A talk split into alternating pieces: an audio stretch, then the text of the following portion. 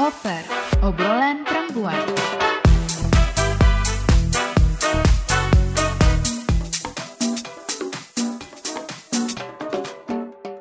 Hai Hey girls. girl. Uh, balik lagi. Yeay, betul. Balik lagi. Gue nggak dengerin lagi Gaby.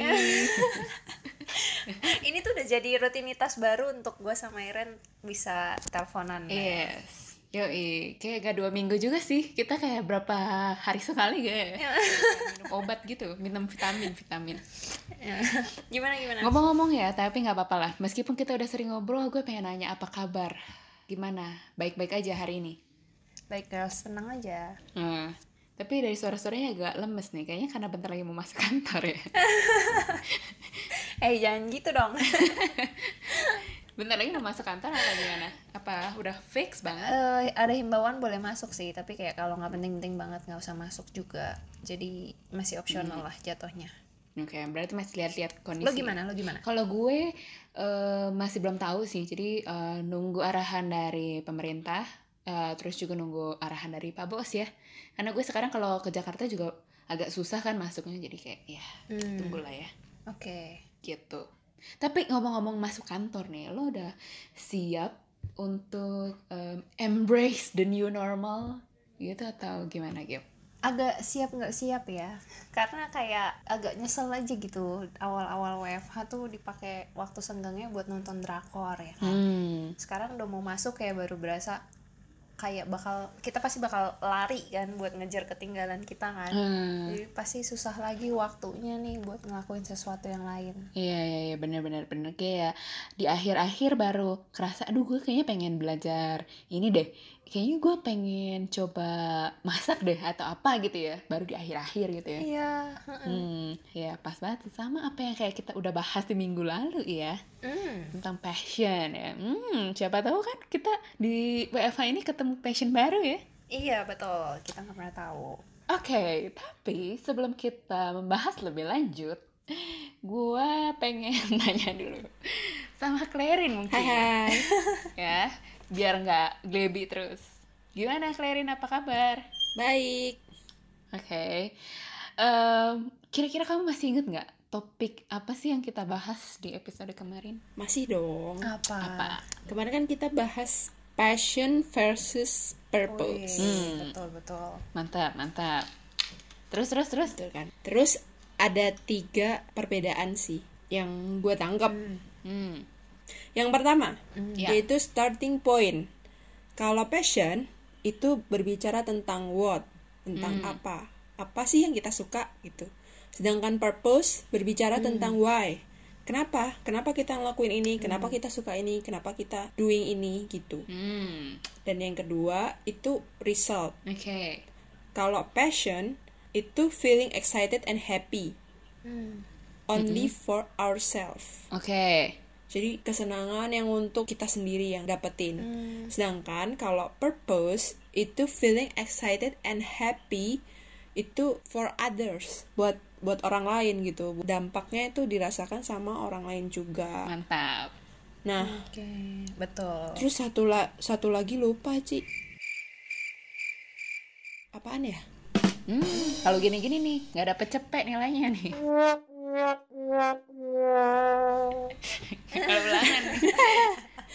Tapi Nggak, remedi kan? Nggak, nggak. Delapan lah, delapan lah. ya nggak remedial lah ya Coba, coba, Gap, Gap. Oke. Apa tuh? Satu yang lagi. satu lagi itu yang terakhir adalah quantity nah Hmm. di mana kalau passion itu tuh bisa ada banyak Hmm. tapi kalau purpose atau tujuan hidup itu cuma ada satu Yes. gitu ingat nggak Clay? Iya, iya. Baru ke recall lagi. Nah makanya ini kenapa minggu lalu gue menyarankan buat kalian yang kalau lagi dengerin uh, podcast ini sambil nyantai gitu bisa mencatat supaya nggak lupa kayak Clarin. tapi, tapi, tapi, tapi terlepas dari itu ya, nggak apa-apa juga sih. Em, apakah lo kan kemarin di minggu lalu tuh masih agak bingung ya, passion gue tuh apa sih sebenarnya? Apakah ini benar bukan ya panggilan hidup gue? So sekarang dengan episode kemarin itu kita udah bahas, lo apakah udah ada pencerahan atau malah makin bingung Claire? Hmm, kalau pencerahan sih pasti ada ya. Ada yang gue pelajarin gitu. Tapi rasanya kurang mantep sih karena gue rasa ini episode yang akan memantapkan gue gitu. Passion gue apa? Mantap. Purpose gue apa? Mantap, kayak cenayang gitu ya, lu udah tahu gitu kalau di episode ini kita ada tamu spesial gitu ya. kan gue nyontek. Tapi iya sih, jadi em, di episode kali ini kita mau bahas lebih lanjut tentang passion dan purpose tadi.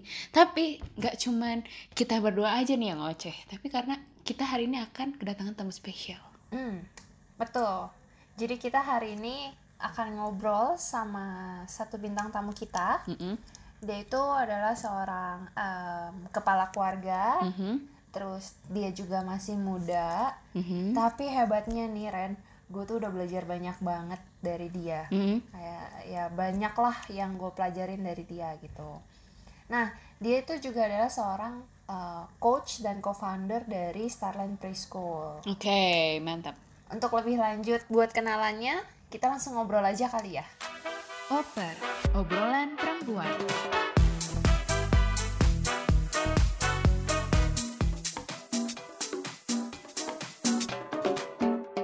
Hai hai. Oke, yes. Jadi seperti yang udah dijelasin ya sebelumnya sama Gaby. Kalau hari ini kita udah kedatangan satu bintang tamu yang sangat spesial banget. Dan em, kalau Gaby tadi udah sempat singgung-singgung sedikit eh, siapa bintang tamunya, eh, kayak gimana sih kesibukannya dia sekarang. Nah, kita akan langsung kenalan sama bintang tamunya. Tapi kan dari tadi kita belum eh, kasih tahu namanya siapa, jadi mungkin eh, Koko bisa sapa dulu pendengar-pendengar oper. Halo semuanya, apa kabarnya? Baik. Berharap semuanya baik-baik sehat ya. Oke. Tadi jadi sebenarnya eh, kita sebelum take ini sempat ngobrol-ngobrol sedikit sih sama Ko Anton. Nah, tapi mungkin boleh dijelasin lebih jauh Ko Anton ini sekarang kesibukannya apa sih kok? Eh, kesibukan saya saat ini yang ngurusin usaha ya, sama ngurusin keluarga kesibukannya. Iya. Iya, boleh diceritain mungkin eh, usahanya apa? Ya, Terus gimana? boleh. Usaha saya ada tiga, eh, yaitu yang pertama Starland Preschool, ini ada di Bandung ya. Eh, Oke. Yang kedua ada kuliner. Tapi yang kuliner ini lagi libur karena kuliner kita adanya di kampus. Karena kampusnya libur, jadi kita ikutan libur. Nah, Oh, kalau yang ketiga Bimastery namanya. Bimastery ini jadi ngurusin digital agency lah gitu ya. Ngurusin eh, Instagramnya orang, ngurusin kontennya orang gitu. Sama bikin workshop, bikin eh, coach juga, apa coaching juga gitu. Itu sih bisnisnya tiga. Tiga ya, menarik ya. Hmm. Nah, tapi boleh eh, diceritain sedikit nggak sih kok em, dari apa yang membuat Koko akhirnya memulai ketiga bisnis ini? Apakah itu pasti semuanya satu satu persatu ya kan kok? Nah itu eh, backgroundnya gimana mungkin kok bisa Hmm. dijelasin? Ya, Eh, awalnya sih saya cerita mungkin dari pertama dari bekerja jadi punya usaha mungkin gitu ya. Nah sebetulnya saya lama bekerja sebetulnya, hampir 15 tahun saya bekerja. Ya 15 tahunan Oke. ya, 15 tahun saya bekerja sebagai marketing. Hmm. Saat itu posisi juga udah bagus-bagusnya tuh, udah manajer, udah enak, fasilitas semua udah oke lah ya. Tapi memang saya Oke. punya goal menjadi seorang pengusaha gitu. Hmm. Nah dari situ saya melepaskan job saya dan karena saya rasa saya udah punya pengalaman yang cukup gitu, akhirnya saya lepasin, terus saya mulai usaha. Oke. Nah ketika mulai usaha, usaha pertama kali itu sebenarnya kuliner, Oh, oke. bukan sekolah Oke. gitu, kuliner dulu tuh. Karena namanya pengen usaha kan apa dulu deh kita coba Iya. gitu kan. Nah di usaha kuliner ini eh, cuman bertahan berapa bulan ya, enam bulan lah. Hmm. 6 bulan ternyata bubar sama partner. Nah, setelah itu bikin sendiri kuliner juga eh, sampai sekarang sih masih ada yang yang setelah itu. Nah, dari situ perjalanan panjang yang dialami tuh. Oke. Mulai dari eh, mulai dari jualan ayam potong gitu ya. Terus mulai juga jualan yang lain lah macam-macam lah gitu ya. Nah, sampai akhirnya saya Oke. memang kembali lagi kepada passion yang dulu. Saya kan lama eh, jadi guru sekolah minggu. Dari umur 18 tahunan lah saya udah ngajar sekolah minggu gitu. Nah, akhirnya inilah yang saya munculkan kembali di dalam diri saya gitu. Hmm. Karena saya saat itu saya masih tetap jadi guru sekolah minggu dan saya melihat kenapa saya nggak jadikan ini satu peluang bisnis buat diri saya gitu. Nah, kebetulan saat itu ada teman saya yang udah memulai dulu membuat sekolah. Oh. tapi dia nggak punya tim lah tim yang arti kata Oke. manajemen konseptornya nah ini nggak punya akhirnya karena ada kesempatan nah kita bergabung kita join jadilah talent preschool gitu Hmm. Nah, kalau yang ketiga, yang Be Mastery, karena saya dari pengalaman tadi pertama mulai kerja sampai sekarang hampir 20 tahun, saya terus bergerak di bidang marketing dan marketing ini kan nggak ada habisnya ya, nggak ada matinya gitu. Hmm. Setiap perusahaan, setiap Hmm. eh, usaha gitu, semua pasti kan butuh yang namanya marketing. Dan saya pun suka banget sama ini Oh, gitu oke. Tiga tahun yang lalu lah sekitar tiga tahun yang lalu nah ada kesempatan saya karena saya suka marketing ada kesempatan belajar tentang digital marketing. Oke. nah di situ ternyata saya malah jatuh cinta sama digital marketing gitu sampai sekarang. Dan saya pikir kenapa enggak ini ini saya jadikan juga untuk jadi monetize gitu. Saya jadikan bisa jadi uang gitu dan berhasil sampai sekarang nih gitu Menarik banget sih karena dari awal juga tadi udah disebut-sebut udah singgung-singgung tentang passion gitu ya. Eh, kalau untuk buka eh, Starland Mm. preschool ini karena mulai dari passionnya untuk ngajar dari dulu gitu kan ya. Nah, tapi kalau misalnya eh, dari tadi Iya, yang betul. gambaran Koko udah ceritain, itu berarti sebenarnya passionnya itu ada banyak dong ya kok ya? Eh, passion itu pasti banyak jadi kalau kita bilang passion tuh bukan passion tapi patience pakai s gitu belakangnya Oke. Iya. Karena passion itu kan gak cuma satu, karena passion itu kan apa yang kita suka kan. Contoh, contoh Hmm. saya suka nonton, itu pun buat saya passion gitu. Nah, sederhananya mungkin gini, bedanya passion dengan hobi deh ya, biar biar lebih kebayang gitu. Ya, ya. Kalau hobi Betul, kan, betul. kalau kita ada waktu, nah baru kita lakukan, itu hobi kan. Tapi kalau passion, Hmm. nggak ada waktu pun dicari waktunya dan kita harus bisa melakukan hal tersebut gitu kan. Iya. Nah, kayak kayak saya contoh tadi passion saya adalah menonton. Hmm. Nah, walaupun sudah kerja nih sampai tengah malam gitu, lagi sibuk-sibuknya, tetap tuh saya luangin waktu. Mau ada 15 menit, mau 30 menit, saya pasti nonton gitu. Walaupun nggak beres tontonannya gitu ya. Karena Hmm. saya passion gitu. Oke. Nah, itu itu gambaran sedikit mengenai passion menurut saya gitu. Oke. Jadi passion saya memang banyak, banyak banget. Oke. Tapi tapi passion itu bisa berubah nggak sih kok? Passion mungkin berubahnya gini. Berubah tuh artinya gini, mana yang mau diseriusin kan? Mana passion yang di mana kita mau ambil apa ya ibaratnya ambil kontribusi lebih gitu. Hmm. Misalnya kayak tadi nonton gitu. E, mau nggak sih saya jadi ahli perfilman yang mereview film gitu, De- terus peduli sama gerakan di Indonesia dengan perfilman Indonesia gitu ya, anti bajak-bajak gitu. ya. Hmm. Nah saya enggak tuh, Hmm. saya saya nggak nggak nggak sampai ke sana sih gitu, Hmm. Gitu. Nah kalau saya ngelihatnya lebih ke sisi itu sih. Hmm. Tapi kok Gitu. gimana sih caranya supaya kita bisa tahu nih mana sih passion yang perlu kita seriusin sampai nanti akhirnya itu jadi s- kalau kemarin kan kita di episode sebe- sebelumnya nih kok kita kan bahasnya tentang passion sama life purpose ya kan. Mm-mm. Jadi kita di sini tuh pengen belajar gimana caranya dari passion Hmm. itu bisa berangkat jadi tujuan hidup kita. Hmm, Gitu. Oke. Gimana kok cara ininya? Kalau bicara passion sebetulnya biasanya ya paling gampang tuh saya ngambilnya dari topik dulu sih. Hmm. Topik tuh eh, kayak tadi kan eh, topik yang paling kita sukai sebenarnya apa sih? Kayak tadi misalnya saya oh topiknya adalah eh, film yang saya sukai, oh pen- eh, pendidikan yang saya sukai. Jadi mulai dari topik Hmm. dulu ya. Karena topik itu kan udah udah kalau ngomongin topik kan bisa banyak gitu kan bermacam-macam Iya. kan. Nah, saya kumpulin dulu tuh topik-topiknya. Nah, setelah topik itu baru saya bertanya kepada diri sendiri, kenapa saya menyukai topik tersebut? Hmm. Hmm. Contoh misalnya tadi film. Kenapa saya su- menyukai film? Oh, ternyata yang saya suka itu adalah menonton. Hmm. Nah, jadi bukan bukan karena filmnya, bukan, tapi karena menontonnya yang saya suka gitu. Nah, passion itu adalah sesuatu kata kerja kalau menurut saya, Oke. Hmm. bukan topik. Jadi ada perbedaan gitu. Kalau tadi kan contoh topiknya pendidikan. Ya. Kita tanyakan sama diri sendiri kan, kenapa kamu suka dengan pendidikan? Nah, ternyata setelah saya gali, oh, saya menyukai dengan apa yang namanya mengajar. Oh, Nah, Hmm. mengajar itu udah masuk ke passion gitu. oke. Oke. gitu J- sering kali kan ada orang salah salah pahamnya gitu ya passion kamu apa pendidikan sih passion saya gitu Hmm. Ya. nah padahal itu bukan bukan passion itu topiknya kan Hmm. Topik Oke. apa yang kamu sukai pendidikan gitu Hmm. nah kenapa kamu suka pendidikan nah itu karena saya senang mengajar gitu Oh, Oke. mengedukasi nah itu saya suka tuh nah itulah yang disebut dengan eh, passion nah jadi tadi mulai dari topik setelah itu cari tahu kenapa suka topik tersebut nanti Hmm. akan muncul yang namanya passion Nah setelah passion ini muncul, biasanya saya masuk ke empat level. Oke. Oke. Apa tuh? Mau tahu apa mau tahu banget nih? Oh, enggak. Banget dong. Atau berani? Just kidding, just kidding. nah kalau masuk ke em, empat level ini, yang pertama adalah tertarik. Oke. Oke. Jadi setelah kita kumpul-kumpulin tadi kan ada passion, ada topik. Nah, mana yang kita hanya tertarik? Tertarik tuh cuman gini doang loh. Ya saya suka sih dengan apa yang namanya nonton, tapi ya sekedar suka aja gitu. Nah, itu tertarik aja kan. Iya. Tidak ada yang lebih daripada itu gitu. Itu level pertama. Level kedua adalah peduli.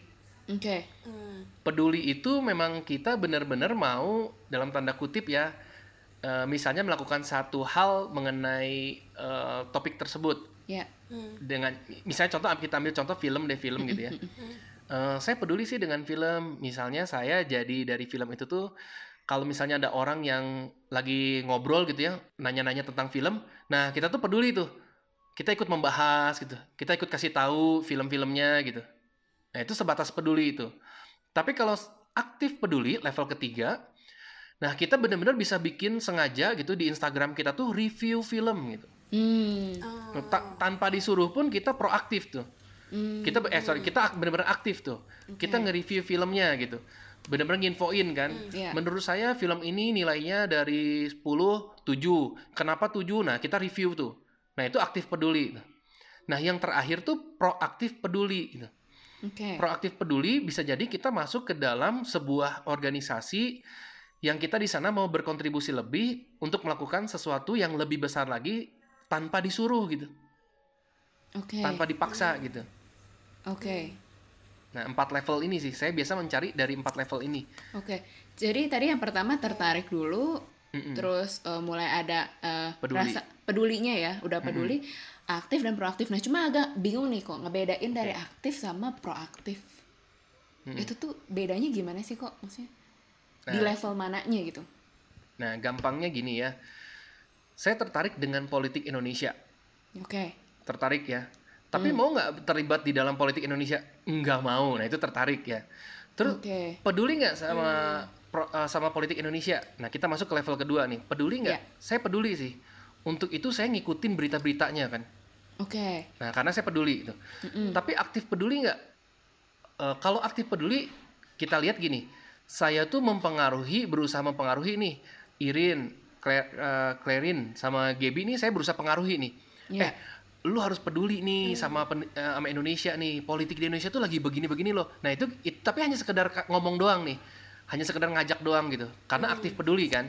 Iya. Tapi begitu proaktif peduli, saya nggak hanya peduliin kalian bertiga, tapi saya udah masuk tergabung dengan partai politik dan di situ saya mulai berusaha untuk melakukan sesuatu yang bisa berkontribusi lebih buat Indonesia gitu. Oh, Nah itu gampangnya begitu. nice. Oke. Oke. Jadi ada action yang diambil lebih ya kok ya. Betul, betul, betul sekali. Itu. Oke. Nah, tapi ya kok berarti Hmm. em, apakah dari keempat itu tuh kita bisa tahu passion kita atau sebenarnya gini kok passionnya tuh cuman oke gue tertarik sama hal ini gitu ya. Hmm. Eh, tapi gue nggak mau proaktif. Itu apakah bisa dimasukin ke dalam passion atau enggak? Bisa, bisa, bisa banget. Makanya tadi kan passion itu kan bisa banyak kan. Mm-mm. Nah tapi pertanyaannya adalah mana passion yang kita mau proaktif? Hmm. Nah itu kan, itu pertanyaan besarnya kan sebetulnya kan. Iya. Iya. banyak orang salah kaprah dengan tadi itu. Mereka bilang bahwa yang tertarik itu sudah passion. Hmm. Nah, padahal belum tentu gitu. Belum tentu dia mau berkontribusi lebih. Hmm. Nah, kalau menurut saya yang mau berkontribusi lebih itu itu baru yang disebut dengan passion. Karena balik lagi ya kok passion Gitu. itu adalah kata kerja ya yang tadi Koko bilang ya. Iya kata kerja Iya, betul. harus kata kerja, betul. Betul. Iya. Nah dari kita udah tahu passion kita apa, terus kita mau proaktif, baru itu bisa eh, ke apa ya berjalan menuju ke purpose hidup kita mungkin gitu ya kok. Ya, gambarannya kurang lebih begitu. I see. Ya. Yang perlu digarisbawahi, waktu kita menemukan, maksudnya gini, waktu kita mau mencari passion kita itu apa, bisa aja misalnya kayak tadi pertama saya suka dengan yang namanya menonton. Iya. Hmm. Saya sempat masuk ke aktif peduli itu. Oke. Saya Iya. bikin akun khusus untuk nge-reviewin film. Hmm. Mm-mm. Bahkan yang coming soon juga yang sampai setahun ke depan gitu saya cari tahu, saya gali itu informasinya, saya munculin di akun tersebut gitu untuk untuk saya menyampaikan kepada audiensnya bahwa hey nanti akan begini loh, nanti akan ada film ini, akan ada film itu gitu. Nah, saya sempat di aktif peduli itu. Hmm. Hmm. Tapi bisa jadi ketika seiring berjalannya waktu teruji kan. Iya, benar. Ternyata bukan ini yang benar-benar saya inginkan gitu. Hmm. Bukan ini purpose-nya saya di dalam kalau saya selalu melihatnya gini, life purpose itu kan sesuatu yang kita lakukan selama kita hidup kan. Hmm. Betul. Nah ternyata saya melihat bukan ini eh ternyata buat saya selama hidup ini tuh saya nggak mau nge-reviewin Oh. film terus gitu. Oke, oke. Iya. Akhirnya mundur tuh, yang tadinya dari aktif peduli mundur jadi hanya cuman sekedar eh, peduli dan akhirnya sekarang cuman tertarik doang Hmm. Hmm. gitu. Persentase dalam keseharian pun gitu yang namanya nonton buat saya jadi hanya sekitar 10% atau 15% Hmm. Oke. gitu. Iya, iya, iya, iya, iya. Oh, berarti itu ya? Ya, Karena gimana? kayaknya sebenarnya kalau misalkan untuk jadi tujuan hidup gitu kok, maksudnya untuk jadi kita bisa ke proaktif, Hmm. itu tuh perlu sesuatu, eh, perlu passion sama perlu talenta juga nggak sih kok? Maksudnya sesuatu yang eh, kita Hmm. bisa lakuin bener-bener gitu. Perlu, perlu, betul. Hmm. Perlu banget, ya. Iya. Karena kayak tadi, kayak tadi misalnya saya tertarik dengan film. Eh, ketika saya mau aktif peduli dan mau proaktif peduli di dalam urusan film ini, nah saya kan akan bertanya kepada diri saya kan, apa sih kontribusi yang mau saya kasih? Apakah saya jadi artisnya? Iya. Apakah saya jadi sutradaranya kan gitu ya? Apakah saya jadi eh, fanatik penontonnya gitu, yang bikin organisasi khusus gitu untuk me- menyuarakan bahwa ayo lo in- film Indonesia tuh harus begini harus begitu gitu kan? Nah saya harus mencari kan apa yang saya bisa untuk kontribusi ini gitu. Jadi perlu unique skill kita betul. Ya, ini ini ini kayak yang udah kita bahas ya sebenarnya di di episode 2 kemarin ya. Jadi kemarin kan Clarin sempat nanya juga kan tentang eh, dia mau berkecimpung di dunia perfilman dan segala macam. Sekarang dipertegas lagi nih sama Ko Anton kalau se- dunianya itu perfilman tapi eh, balik lagi itu proaktifnya bisa di mana aja sesuai dengan talenta juga ya kayak gitu. Betul. Betul. Tapi pada akhirnya ya kok ya, kan kita eh, nggak tahu nih apakah benar ini tempat yang eh, akan kita lakukan seumur hidup kita atau enggak gitu ya kan. Misalnya cuma sekarang kepikiran ah gue kayaknya pengen jadi sutradara deh gitu. Kayaknya gue bisa deh jadi sutradara, tapi ternyata pas masuk situ gak bisa gitu. Itu kan berarti perlu dikonfirmasi ya kok ya. Perlu dikonfirmasi betul. Seiring berjalannya waktu dijalanin kan sama kita kan. Iya. Nah kita terus menguji sih, bener nggak ini yang kita eh, apa tuh bener nggak ini yang kita suka, bener nggak ini yang di mana kita mau kontribusi lebih gitu. Oke, tapi ada ada ada tipsnya atau triknya nggak kok supaya kita bisa tahu gimana cara mengkonfirmasi itu?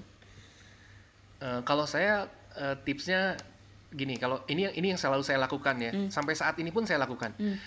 Eh, ketika dalam situasi seperti ini, sekolah kan mau nggak mau kita harus di rumah kan, Iya. home learning kan. Nah saya bertanya sama diri saya, Ya. saya masih suka nggak ya dengan pendidikan? Saya masih mau nggak ya mengajar? Saya mau masih mau berkontribusi nggak ya dalam hal ini? Nah itu yang selalu saya tanyain sama diri saya tuh. Terus saya evaluasi dalam sehari apa sih yang saya lakukan? Apakah ini berhubungan dengan purpose saya atau enggak gitu? Kalau ternyata saya nggak nggak mengikuti purpose saya, bisa jadi itu bukan yang bener-bener kita pengen gitu. Misalnya misalnya ya kita ini ini paling gampang ilustrasinya gini deh. Pacaran misalnya. Pacaran mau merit kan. Nah, tapi kan menarik ya kalau dalam setiap Iya. hari gitu telepon aja sama pacar gitu paling cuma lima menit gitu.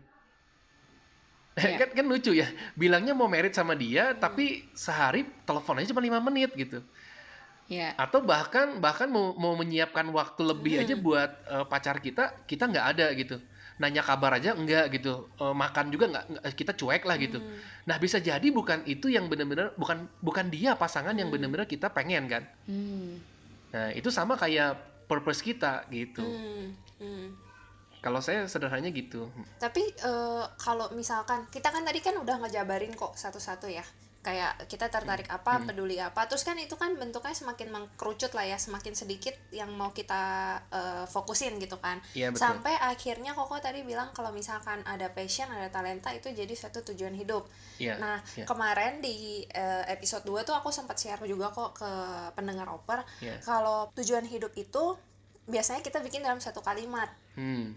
supaya lebih jelas Betul. gitu. Nah kalau kita boleh tahu nih kok eh, tujuan hidup Koko dalam satu kalimat tuh gimana sih? saya udah saya udah mikirin ini bertahun-tahun gitu ya. Saya dan berusaha saya Oke. gali gitu. Sampai akhirnya saya menemukan ini. Hmm. membantu generasi muda menemukan nilai-nilai kehidupan sehingga dia berdampak positif bagi lingkungannya. Nah itu itu purpose-nya saya. Itu dan itu tidak ada akhir. Selama saya hidup itulah yang akan saya lakukan. Gitu. Makanya waktu kemarin ada live IG bareng sama Jane gitu kok saya mau sih gitu? Karena itu purpose-nya saya bantu generasi muda nemuin nilai kehidupan. Kayak sekarang nih oper yuk ngajak podcast ayo saya mau kan? Nah karena memang ini purpose-nya saya gitu. Hmm. karena saya tahu dari ini semua ini akan membantu para generasi muda menemukan nilai-nilai kehidupannya supaya dia berdampak positif bagi lingkungannya. Gitu Mantap. Tapi kok ini kan eh, kata Koko juga tadi kan eh, bilang nggak sekali ceklik gitu langsung gitu kan bertahun-tahun. Itu eh, em, iya boleh diceritain dikit nggak kok prosesnya akhirnya bisa menemukan ini deh kayaknya tujuan hidup gue. Ya kayak kenapa sih kayak Koko jadinya mau mengajar dan segala macam. Iya, prosesnya segini sih. Pertama, jangan pernah berhenti belajar. Gitu dulu ya. Iya. Karena kalau kita berhenti belajar kan ya kita hanya pakai asumsi kita dan apa yang kita tahu kan. Nah, tapi dengan kita belajar, kita akan mulai mendapatkan insight baru, knowledge baru gitu. Bahkan kita menemukan orang-orang baru yang bisa bantu kita menemukan hal ini. Hmm. Hmm. Nah, itu sih. Gitu. Terus yang kedua, harus punya coach atau punya mentor. Supaya dia bisa benar-benar menggali sama kita, bener nggak ini yang kamu inginkan? Oke. Gitu. Dan dia bantu gali lagi kan. Dia ngebantuin gali itu sebenarnya kamu masih punya potensi apa di dalam dirinya gitu. Nah, ini yang akan terus digali itu. Bisa jadi yang yang tadi saya sampaikan itu bisa jadi nanti lima tahun lagi, tujuh tahun lagi berubah menjadi lebih baik tuh purpose-nya gitu. Hmm, hmm. Karena sebenarnya kalau Iya. misalkan udah jadi tujuan hidup tuh kita mau belajar dan terus mau mengembangkan gitulah ya kok intinya ya. Nggak nggak pernah Betul, capek betul, untuk betul. nggak nggak cepet nyerah lah ibaratnya gitulah ya. Oke. Menarik. Iya, Jadi yang pertama itu betul. harus terus belajar. Jangan em, oke kayaknya segini gue udah cukup puas gitu lah ya. Yang kedua harus cari coach Iya, gitu ya. Iya, iya. Ya cari mentor ya misalnya. Cari coach, cari mentor. Ada yang ketiga. Oh, Yang ada ketiga. yang ketiga apa kok? Nah, mau tahu apa mau tahu? Banget. saya saya tuh biasa kalau ke anak saya gitu ya selalu Iya. nanya gitu tuh. Iya. Stacy mau tahu apa mau tahu banget? Harus semangat saya bilang mau tahu banget gitu. Baru dikasih tahu ya. ya, ya. Just kidding ya. Nah, yang ketiga itu harus take action. Oh. Oke, iya benar-benar. Setelah kita tahu, kita punya coach, coachnya juga ngegali kita kan, kasih insight juga buat kita supaya kita tahu ngelangkahnya gimana. Nah, akan jadi percuma kalau kita nggak take action. Hmm, Iya, betul. Karena ketika kita nggak take action, semuanya hanya ada di mindset, ada di pikiran kan, Hmm, iya, gitu. Tapi dalam perjalanannya dia tidak menemukan tetap, iya hmm, benar. Iya benar sih. gitu. Kalau take action, dia akan melihat progresnya. Nanti dia akan melihat hasilnya. Nah dari situ dia akan bisa mengukur, bener nggak ini yang saya suka dan bener nggak ini purpose-nya saya gitu. Oke, iya sih, Iya. benar-benar benar. Jadi kayak kita meskipun udah terus belajar, udah tahu, udah digali kayak kata mentor kita, kayaknya bisa deh kamu belajar ini. Tapi kalau kita hanya diem-diem aja sama aja itu kita eh, cuman mikir aja gitu Betul. ya. Iya, jadi nggak ada Asumsi. hasilnya. Iya. Tapi sebenarnya kalau yang aku lihat juga ya kok dari aku setelah ngobrol belajar sama Koko juga kayak eh, untuk take action itu kita perlu kesempatan juga nggak sih? Masa kita ha- perlu perlu opportunity yang dibukain juga sama Tuhan nggak sih kok ngelihatnya dari situ juga nggak? Untuk take action menurut saya jangan nunggu opportunity. Tapi untuk take action justru kita melihat Oh, oke. apa yang sekarang bisa kita lakuin, lakuin dulu aja itu. Hmm. gitu karena nanti eh, kan kalau dalam eh, kalau saya Kristen nih ada eh, ayatnya kan setia dari perkara yang kecil kalau kamu berhasil melakukan itu maka akan diper- dipercayakan hal-hal yang lebih besar kan perkara-perkara yang jauh lebih besar gitu nah jadi kalau menurut saya jangan melihat peluang dulu gitu jangan lihat kesempatan dulu apa yang kita bisa lakuin sekarang mulai dulu aja gitu Hmm. Balik lagi hashtag Kes- mulai aja dulu ya. nah mulai aja dulu gitu ya. itu kayak campaign ini ya si Iya. Totit gitu ya Gawat nih.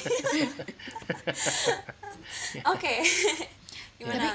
tapi tapi ya kok em, eh, itu kan buat orang-orang yang kayak udah ngerasa oh kayaknya gue tertarik bidang ini deh. Oh gue suka ini deh. Nah tapi kalau misalnya ada orang-orang yang gue nggak tahu nih gue sukanya apa gue nggak bi- bisanya apa ya gue cuma eh, sukanya ya udah belajar aja lah yang penting mah lulus Iya. gitu. Atau kerja kerja aja lah yang penting dapat uang. Nah itu gimana kok? Harus mulai dari mana? Nah, kalau kata Tokopedia mulai dari mana? Terus gini, jadi ngiklan lagi gitu ya. aduh aduh aduh sebut-sebut nama merek dulu nih endorse apa ya sama Tokped Aduh, nanti Iya. harus disensor ya, harus dibunyiin itu ya. gitu ya. ya. Nah, kalau kalau ditanya mulainya dari mana sih supaya kita bisa eh, ketemu hal-hal begininya gitu ya. Hmm. Sebenarnya kalau ditanya mulai dari mana tuh mulai dari diri kita tuh mau dulu sih. oke Ya, tanyain dulu sama diri kita mau atau enggak gitu. Karena saya faktanya nih ya, faktanya ketika saya coaching atau saya jadi mentor seseorang gitu. Banyak orang tuh yang cuman sekedar gini loh, pengen tahu doang gitu. Udah gitu udah Hmm. gitu. Terus waktu ditanya seberapa besar kemauan kamu untuk mencapai ini? Itu pun nggak besar gitu. Oh enggak sih kok, ya cuman pengen tahu aja sih, penasaran gitu. Sebenarnya apa sih passion saya gitu. Terus mereka nggak mau bener-bener ngelakuin apa yang apa yang mereka mau cari tahu gitu. Itu nggak nggak nggak nggak nggak semuanya mau lah gitu. Iya. Yang akhirnya balik lagi ya tanpa ada kemauan nggak mungkin ada tercapai sesuatu kan. Iya. Iya betul. Betul. Gitu. Butuh Nah, effort jadi kalau lah ditanya ya. mulai dari mana? Mm-mm. Mm-mm, betul. Nah, ditanya mulai dari mana? Mulai dari mau dulu. Gitu. Nah, setelah mau, balik lagi yang tadi ya. Belajar, cari coach, take action. benar Itu. Mm-mm. Tapi pada akhirnya mau mulai dari mana? Terus eh nanti pas sudah tahu harus ngapain, semuanya tuh dimulai dari action ya. Ya, betul betul betul. Oke. Ya. Eh, ini sebagai contoh ya. Kalau teman-teman mungkin sekarang ngelihat saya gitu, oh udah jadi seorang coach, udah punya tiga bisnis, kesannya kan kayak enak gitu ya. Hmm. Iya. Tapi kalau teman-teman kenal saya 20 tahun yang lalu ketika saya mulai merintis, teman-teman nggak akan eh, tahu apa yang saya alamin kan. Iya. Iya. Ini sebagai gambaran sederhana yang saya eh, pengalaman saya ketika 20 tahun lalu ketika saya mulai kerja ya. Saya kerja itu sebagai sales ikan asin. Oke. Oke. Saya tuh jadi kayak istilahnya dalam tanda kutip ya, jadi kayak kuli lah gitu. Hmm, hmm. Hmm. Saya bangun subuh jam setengah empat pagi, pulang malam jam setengah delapan, kadang jam delapan malam gitu. Setiap hari saya lakukan itu untuk canvassing ikan asin. Pergi dari eh, kampung ke kampung. Hmm. Hmm. Ketika sudah nyampe di kampung A misalnya gitu ya, saya tuh naik ke atas mobil nurunin barang tuh. Oke. Dan saya digaji 350.000 ribu per bulan Pada saat itu ya. pada saat itu. Ya 350.000 ribu tuh saat itu bisa makan lah sebulan makan doang gitu. Tapi kalau bayar kos apa mah udah nggak cukup juga gitu. Hmm. Nah, kamar tidur saya, kalau saya tidur, kaki saya itu mentok ke tembok. Jadi pasti harus saya tekuk. Waduh. Hmm. Itu 20 tahun yang lalu tuh.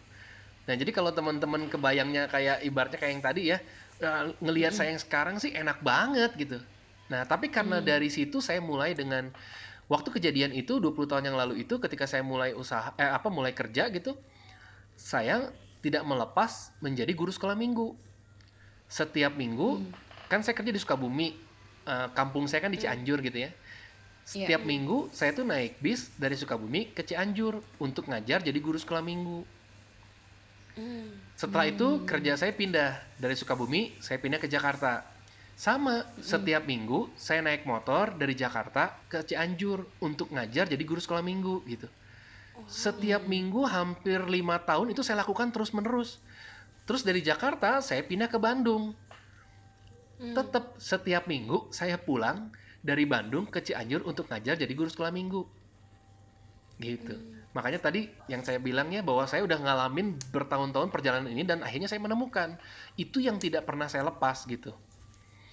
Baru dua tahun, baru dua, eh sorry, ya dua tahunan lah. Baru dua tahun apa tiga tahun ini saya melepas jabatan sebagai guru sekolah minggu karena saya akhirnya buat yayasan gitu dan saya fokus ke sekolah itu. Hmm.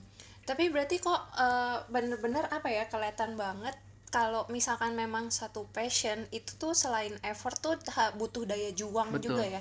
Misalnya kayak koko tadi kan sampai benar-benar eh, gaji cuma sekian bolak-balik harus ke Iya. Cianjur dan segala macamnya gitu tapi aku agak penasaran nih kok kan aku kan karena tahu ada beberapa ini jadi Koko kan tadi kan bilang eh, selain jadi ayah, entrepreneur, ada coaching juga dan segala macamnya gitu. Hmm. Terus kan untuk sekarang ini anak muda nih kok susah banget buat nabung nih kok.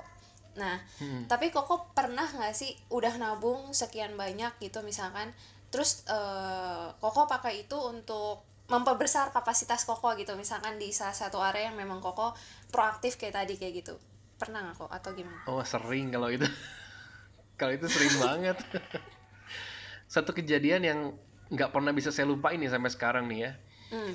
Eh, tiga tahun lalu eh, saya tuh gagal dalam berbisnis tiga tahun lalu tuh Hmm. jadi waktu ngerintis makanan itu kan enam bulan kan bubar Oke. Nah setelah enam bulan bubar kan saya terobsesi saya tetap membuat yang namanya usaha kuliner itu kan Hmm. Nah, saya di situ punya target tuh. Saya bilang satu tahun saya harus punya lima cabang gitu ya. Hmm. Nah, beneran kecapai itu, kecapai empat cabang lah gitu ya, mau menuju ke lima gitu ya. Hmm. Nah, tapi yang terjadi adalah semuanya rugi. Cuman satu satu cabang yang untung gitu. Oke. Terus? Nah, the biggest problemnya saya pinjam uang. Oke. Itu yang bikin saya jadinya kan habis kan uangnya Heeh. kan. Jadi minus tuh. Sisa uang di rekening tuh saat itu cuma 20 juta saya. Oke. Itu anak pertama mau lahir tuh. Oh, Oke. Jadi bayangin ya uh, untuk biaya melahirkan aja 20 juta udah nggak cukup kan. Mm-mm. Nah, ini ini gilanya saya. Terus saya tanya sama istri gitu. Eh, Iya. Yang saya kayaknya mau belajar digital marketing deh. Ini saya ngelihat ada Denny Santoso nih hebat banget gitu. Dia punya pengalaman apa keren banget gitu ya. Tapi harga eh, trainingnya 13 juta setengah saya bilang. Hmm. Hmm. Jadi bisa kebayang kan? Iya. Eh, apa istri mau ngelahirin gitu, duit 20 juta lagi, lu mau belajar ini gitu kan. Nah, tapi ini hebatnya seorang istri lah ya.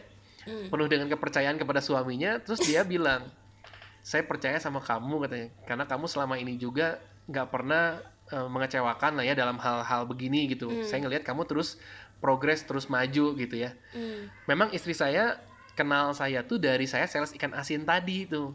Oh, setia banget ya Nah, kok. jadi waktu dalam Mm-mm. jadi dalam dalam masa pacaran sampai nikah tuh dia ngeliat tuh perkembangan karir kan dari Hmm. sales ikan asin jadi supervisor jadi manajer gitu punya fasilitas mobil semuanya udah lengkap tuh dia ngeliat ngalamin gitu Hmm, hmm. nah makanya dia percaya gitu ya udah deh dia percaya nah di dipakailah uangnya tuh Hmm. itu 13 juta setengahnya habis cuma dalam waktu dua hari tuh itu belum hotel tuh Waduh. Ja- Jadi kalau ditanya tadi kan ya pernah nggak punya tabungan terus diinvestin kayak gini? Ya inilah pengalamannya gitu. Tapi ya, menarik banget loh karena eh, apa ya? Susah nih kita terutama nih ya sebagai cewek-cewek nih ya. Itu tuh susah banget loh untuk percaya dengan adanya duit sekian karena cewek itu kan butuh rasa nyaman gitu lah ya kok ibaratnya. Iya. Tapi ini istri Koko sih hebat banget bisa langsung percaya dan Iya. ada hasilnya ya kok sekarang ya jadi bimesteri ya kok ya. Iya. Aduh hasilnya jauh banget, jauh banget lah. Saya selalu ngitungnya gini. Kalau dulu saya gaji 350 ribu dibagi saya kerja anggap 12 jam gitu kan. Nah saya dapet tuh angka per jamnya saya berapa kan. Nah kalau sekarang kan kalau ada orang mau ngundang saya jadi pembicara gitu. Nah saya udah langsung ngikut, udah ngukur tuh. Gila ya dulu kok jauh banget ya gajinya cuman dulu sejam segini gitu. Sekarang berapa ratus kali lipat gitu ya ininya gitu. Eh, apa Iya. fee-nya gitu. Nah itu dari situ saya udah ngukur tuh. Itulah yang saya alamin sekarang gitu. Ya. Ya, tapi intinya ya perlu proses ya kok harus tahan Proses, sama betul. prosesnya Iya. dan kita juga butuh orang yang bisa eh, support ya. Support, Bener betul. yang yang Iya. bisa percaya 100% sama kita juga gitu kalau Iya. kita nggak main-main ya. Ya, ya. Gak ada yang instan. Gak ada yang Iya, instan, betul. betul. Ya. Kok kan tadi banyak banget nih yang koko lakuin sebagai ayah, Hmm. coaching, mentor, eh, entrepreneur dan segala macam. Gimana sih caranya koko bisa ngatur waktu dan prioritasnya kok? Eh, pastinya bikin agenda dan to do list setiap hari itu yang itu yang dilakuin sih gitu.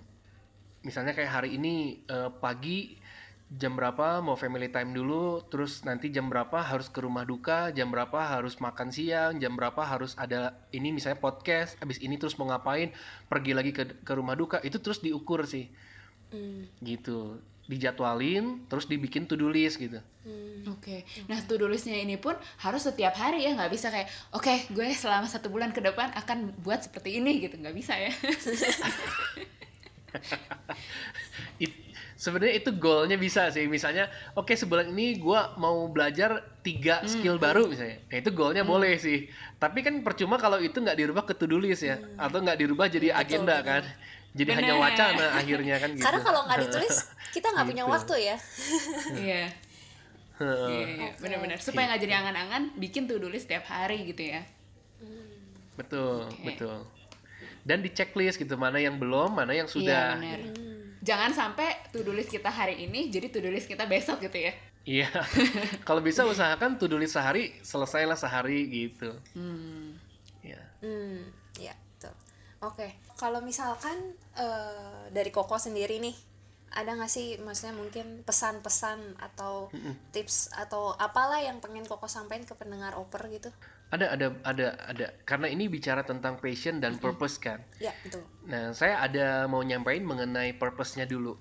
Hmm. Jadi banyak orang kalau saya ngobrol gitu ya, apalagi dengan para coach gitu, banyak orang yang masih belum paham sebetulnya dengan life purpose eh, pengertiannya tuh masih banyak yang salah lah gitu intinya ya. Hmm. Nah, yang saya mau sampaikan gini sih. Life purpose itu sama life goals itu berbeda. Hmm. Kalau life purpose itu kan sesuatu yang dijalani, balik lagi tadi ya, selama kita hidup di dunia. Makanya disebutnya life purpose, tujuan hidup gitu. Ya, Hmm. Disebut tujuan hidup kan ya selama kita hidup kan, iya. gitu. Nah, bukan juga life purpose itu bicara tentang saya mau capai 1 M gitu. Pendapatan saya mau 1 M satu bulan atau enggak pendapatan saya sampai eh, sorry tabungan saya sampai akhir Desember saya mau 1 M gitu. Nah, bukan itu, itu bukan life purpose, itu goal.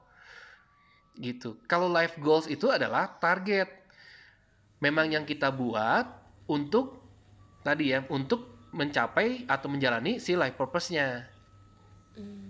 Misalnya, misalnya life purpose saya kan tadi membantu generasi muda menemukan nilai-nilai kehidupan sehingga dia berdampak positif bagi lingkungannya. Iya. Nah, ini kan selama saya hidup saya lakukan ini terus kan. Hmm. Mau saya Iya. tua pun gitu, mau saya udah nanti misalnya pensiun pun tetap saya selakuin ini karena itu purpose saya kan.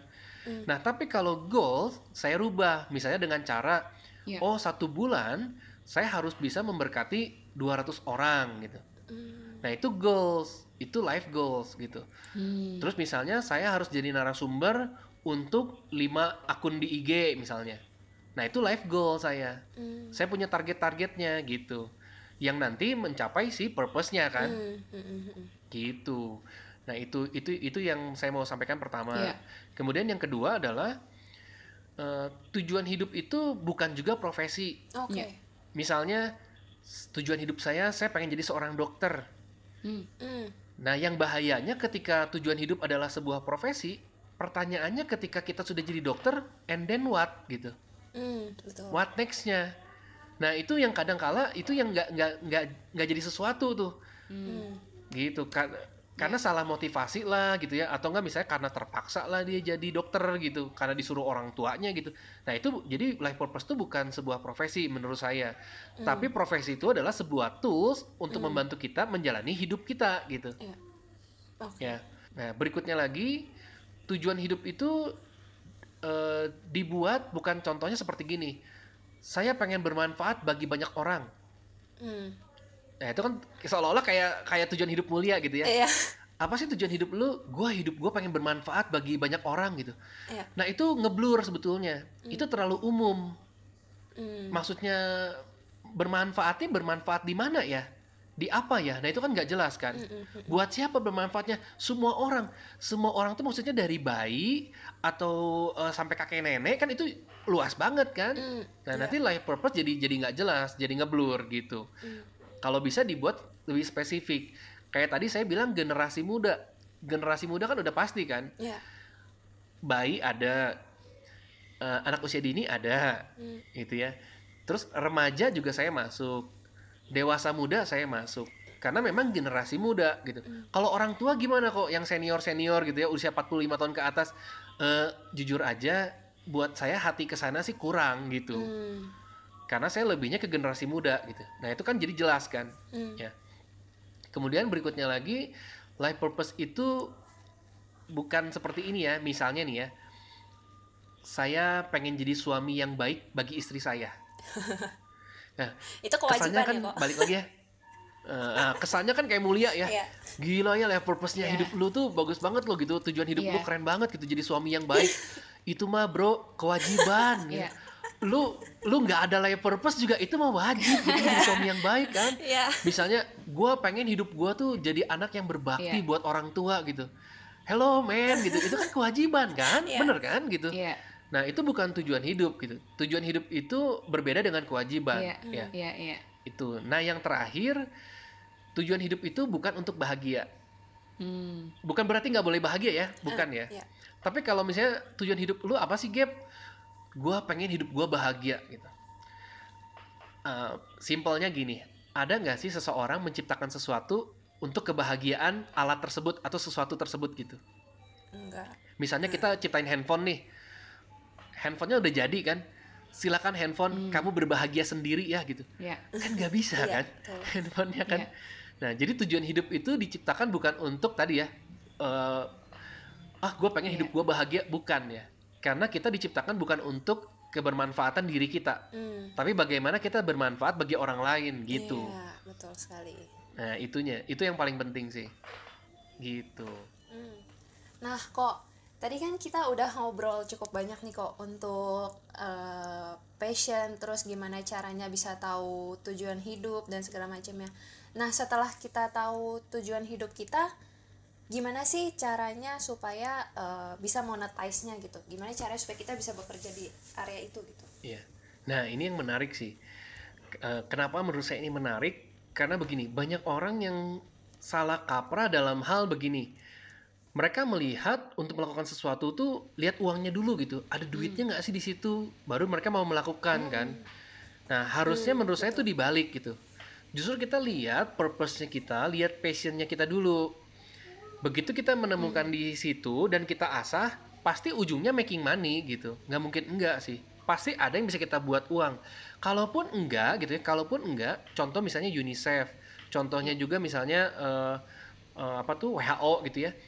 Ada orang-orang lain yang memang mau untuk funding ke sini kan Ya. gitu. Nah itu yang sebetulnya kita harus pikirkannya bukan uangnya dulu, tapi lebih ke bagaimana kita mau menjalankan passionnya ini gitu. Monetize-nya sih gampang menurut saya, karena pasti ada permodelan, ada bisnis model yang bisa kita ambil dari orang yang sudah ada gitu. Hmm, oke. Kayak contohnya tadi saya senang mengajar, Hmm. saya senang anak-anak gitu ya, saya suka eh, apa sosial juga. Terus, nah ini ini ini kejadian menarik nih. Saya ambil contoh gini deh. Waktu dalam keadaan saya bangkrut waktu itu gitu ya, nggak nggak apa hutang, terus uang tersisa cuma sedikit kan, saya mau, mau melakukan sesuatu, saya mundur dari pelayanan gereja kan. Saya mundur dari pelayanan gereja karena menurut saya saya harus fokus ke bisnis. Gitu, saya harus fokus untuk menyelamatkan keadaan keluarga saya kan gitu kan. Hmm. Nah, tapi Tuhan ingatkan saya, Tuhan menegur saya begini kan. Katanya kamu mau melayani saya. Katanya kamu eh, suka dengan yang namanya sosial, apalagi ke anak-anak gitu. Anak-anak yang tidak mampu juga gitu. Nah, tapi buktinya kamu keluar nih dari pelayanan sekolah minggu gitu ya. Hmm. Itu saya berat sih ngelepasnya juga karena udah belasan tahun kan saya pelayanan sekolah minggu, Iya. akhirnya saya lepaskan. Nah, dari situ saya tertegur dan akhirnya saya bikin yayasan Hmm. gitu. Saya bikin yayasan, bayangin ya, keadaan nggak punya duit, tapi saya bikin yayasan. Bikin yayasan kan uangnya 5 juta tuh, bikin eh, apa notarisnya. Hmm. Nah, tapi ketika saya bikin yayasan, terus notarisnya bilang gini, udah deh nggak usah bayar kata. Wow. Nah, itu yang pertama saya dapat. Terus yang kedua, saya bekerja sama dengan teman saya namanya Budi Sukses. Nah, saat itu Budi Sukses tuh butuh dana 15 juta untuk memperpanjang kontrak eh, tempat dia mengajar gitu. Hmm. Dia mengajar anak-anak jalanan lah ya gitu ya. Hmm. Nah, dia butuh uang 15 juta. Saya kan nggak punya duitnya kan. Hmm. Iya. Nah, ka- tapi karena itu passion, saya cari cara gitu. Yang menarik, Tuhan kan bukain jalan tuh. Hmm. tiba-tiba ada ada sekelompok ibu-ibu arisan gitu Mm-mm. tiba-tiba dia bilang saya mau nyumbang untuk apa yang sedang kamu kerjain jumlahnya bisa pas 15 juta Oh, wow. nah itu itu yang tadi yang tadi saya maksud untuk monetize-nya ini nanti pasti akan ada jalan gitu. Yang penting kan kita ngasah dulu kan ngasah kemampuannya kita dulu kan. Iya, betul. ngasah skillnya ngasah passionnya gitu. Itu yang kita lakukan dulu gitu. Nanti monetize-nya gampang kok gitu. Oke. J- Jadi jadi uang itu atau iya gimana caranya monetisasi hal itu? Apa yang kita suka itu bukan jadi tujuan utama ya. bukan tujuan utama. Walaupun tetap kudu Oke. dipikirin ya tetap kudu dipikirin gitu. Iya. Eh, misalnya saya sempat ngobrol kan sama Gaby juga kan Iya. ketika misalnya kalian mau bentuk sosial pun tetap harus dipikirin how to monetize-nya Hmm. Iya. misalnya kalian mau personal branding pun tetap harus dipikirin how to monetize-nya Hmm. karena sampai sekarang pun UNICEF tetap butuh dana kan Hmm, betul. itu bahkan kegiatan sosial mau itu bilang gereja kayak mau organisasi yang lain yayasan panti asuhan mereka tetap butuh dana kan Iya. Hmm. Gitu. Nah, jadi harus tetap dipikirin sih how to monetize-nya gitu. Misalnya oh dari funding kah, dari kita ber, eh, minta dona- eh, donasi dari kitabisa.com atau yang lain gitu. Nah, itu kan kita perlu mikirin juga gitu. Oke, berarti sebenarnya uh, how to monetize itu kita penting untuk tahu gimana caranya supaya bukan kita dapat duitnya, tapi berarti supaya kita bisa um, mengembangkan si dampaknya Betul. itu ya. Betul, betul, betul. Iya. Life purpose-nya tadi balik lagi ke situnya, Oke. betul. Tapi kok kebanyakan kan sekarang anak muda nih, misalkan Ya. oke eh, punya tujuan hidupnya ini ini ini, ini. Terus tapi mereka balik Hmm. lagi, eh tapi gue udah umur 30, gue mau merit, gue nggak punya Ya. duit, gue harus Hmm. menghidupi orang tua. Nah itu gimana kok dengan segala Nah, keterbatasan-keterbatasan itu? Nah, kalau ini saya eh, saya pernah menanyakan ini juga nih sama salah seorang nih ya. Mm-mm. Dia punya jawaban yang menurut saya bagus banget sampai sekarang saya inget tuh. Oke. Jawaban dia gini, kalau itu passion kamu, mau mau itu hanya satu jam dalam satu hari pun pasti excellent hasilnya, Hmm. gitu. Jadi kalau sekarang bener sih mau merit kan kita butuh duit kan, Mm-mm. ya oke lah kita kerja. Tapi di sela-sela pekerjaan kita itu berikan waktu satu jam kah atau satu jam setengah kah atau dua jam kah dan lakukan dengan excellent passionnya gitu. Hmm. Nah itu itu yang paling penting karena nanti itu ya itu menjadi investasi kita kan. Hmm. Ya. gitu itu jadi investasi di mana nanti kita bisa eh, monetize atau making money-nya di setelah satu tahun setelah dua tahun itu yang akan kita dapetin gitu Iya, iya, betul. gitu Luar biasa loh, luar biasa, benar, benar, benar, benar. Tapi mungkin aku boleh rangkum sedikit kali ya kok ya dari apa yang tadi Koko udah jelasin. Iya. Ya, jadi em, t- yang tadi udah Koko jelasin kalau tujuan hidup itu eh, bukan artinya oke gue pengen dapat uang 1 m gitu ya. Itu Iya. itu life goalsnya. Jadi Iya. sebenarnya kita tujuan hidupnya itu lebih jauh daripada itu tapi kita bagi-bagi untuk mencapai tujuan hidup itu gimana caranya? Betul. Nah, tu- terus tujuan hidup juga bukan sebuah profesi karena profesi itu adalah tools, betul. Ya. Terus tujuan hidup juga bukan dibuat untuk eh apa ya? Kayak misalnya sangat jangan dibuat terlalu luas Iya. misalnya gue ingin hidup gue bermanfaat bagi semua orang gitu kayak siapakah itu semua orang gitu ya. Kita harus bisa identifikasi ya. betul Oke. Terus apa lagi tuh, Gap? kalau misalkan gue lihat juga di sini harus spesifik ya Iya. jadi nggak bisa terlalu ngambang harus se- sebuah yang bisa diukur Betul. lah ya Iya, gitu kok betul terus harus jelas juga harus jelas juga mau sam- eh, kita mau memberkati siapa dan segala macamnya ya Yes, Betul. dan tujuan hidup itu berbeda dengan kewajiban yang pasti. iya beda betul beda Iya. banget Dan yang terakhir ini yang paling penting sih, ini tujuan hidup itu bukan untuk kita bahagia karena alat itu diciptakan un- bukan untuk alat itu berbahagia, tapi untuk bisa bermanfaat. iya ya untuk membantu Betul. orang lain juga ya cakep Yes, Iya. luar biasa. gitu Ya udah. Oke, kalau gitu kok terima kasih banyak eh, untuk Thank you. waktunya. Terima kasih juga udah sharing Iya. di sini. with my pleasure ya yes thank you banget kok udah berbagi ilmu Yes. Semoga eh, sukses selalu dan semoga ke depannya Koko nggak eh, apa namanya kapok apa eh, nggak mau ke sini lagi nanti kalau kita ya undang nggak lagi kapok gitu lah ya ibaratnya gitu. Oke deh kalau gitu. Oke, Thank thank you you, ya, thank you. Kok. Dengan senang hati. Oke, thank you sip. waktunya Oke, itu dia em, episode ketiga kita. Em, thank you banget buat Ko Anton, seru banget hari ini kita udah ngobrol-ngobrol tentang passion versus purpose ya. Yes, betul. Jadi kita juga berharap sih kalian bisa belajar lah, belajar banyak dari apa yang udah diobrolin bareng Ko Anton. Karena kita juga belajar banyak banget ya Ren ya dari ngobrol tadi. Yes, banget banget. Sekarang jadi kayak udah lumayan lebih clear lah ya. Iya, betul. Tinggal sekarang waktunya kita untuk mulai menggali Yes, betul banget. dan take action. Betul. Episode kali ini mungkin lumayan panjang, tapi kita eh, harap it bless you guys. Yes, oke dan sampai jumpa di episode kita yang selanjutnya. Bye bye. Bye bye.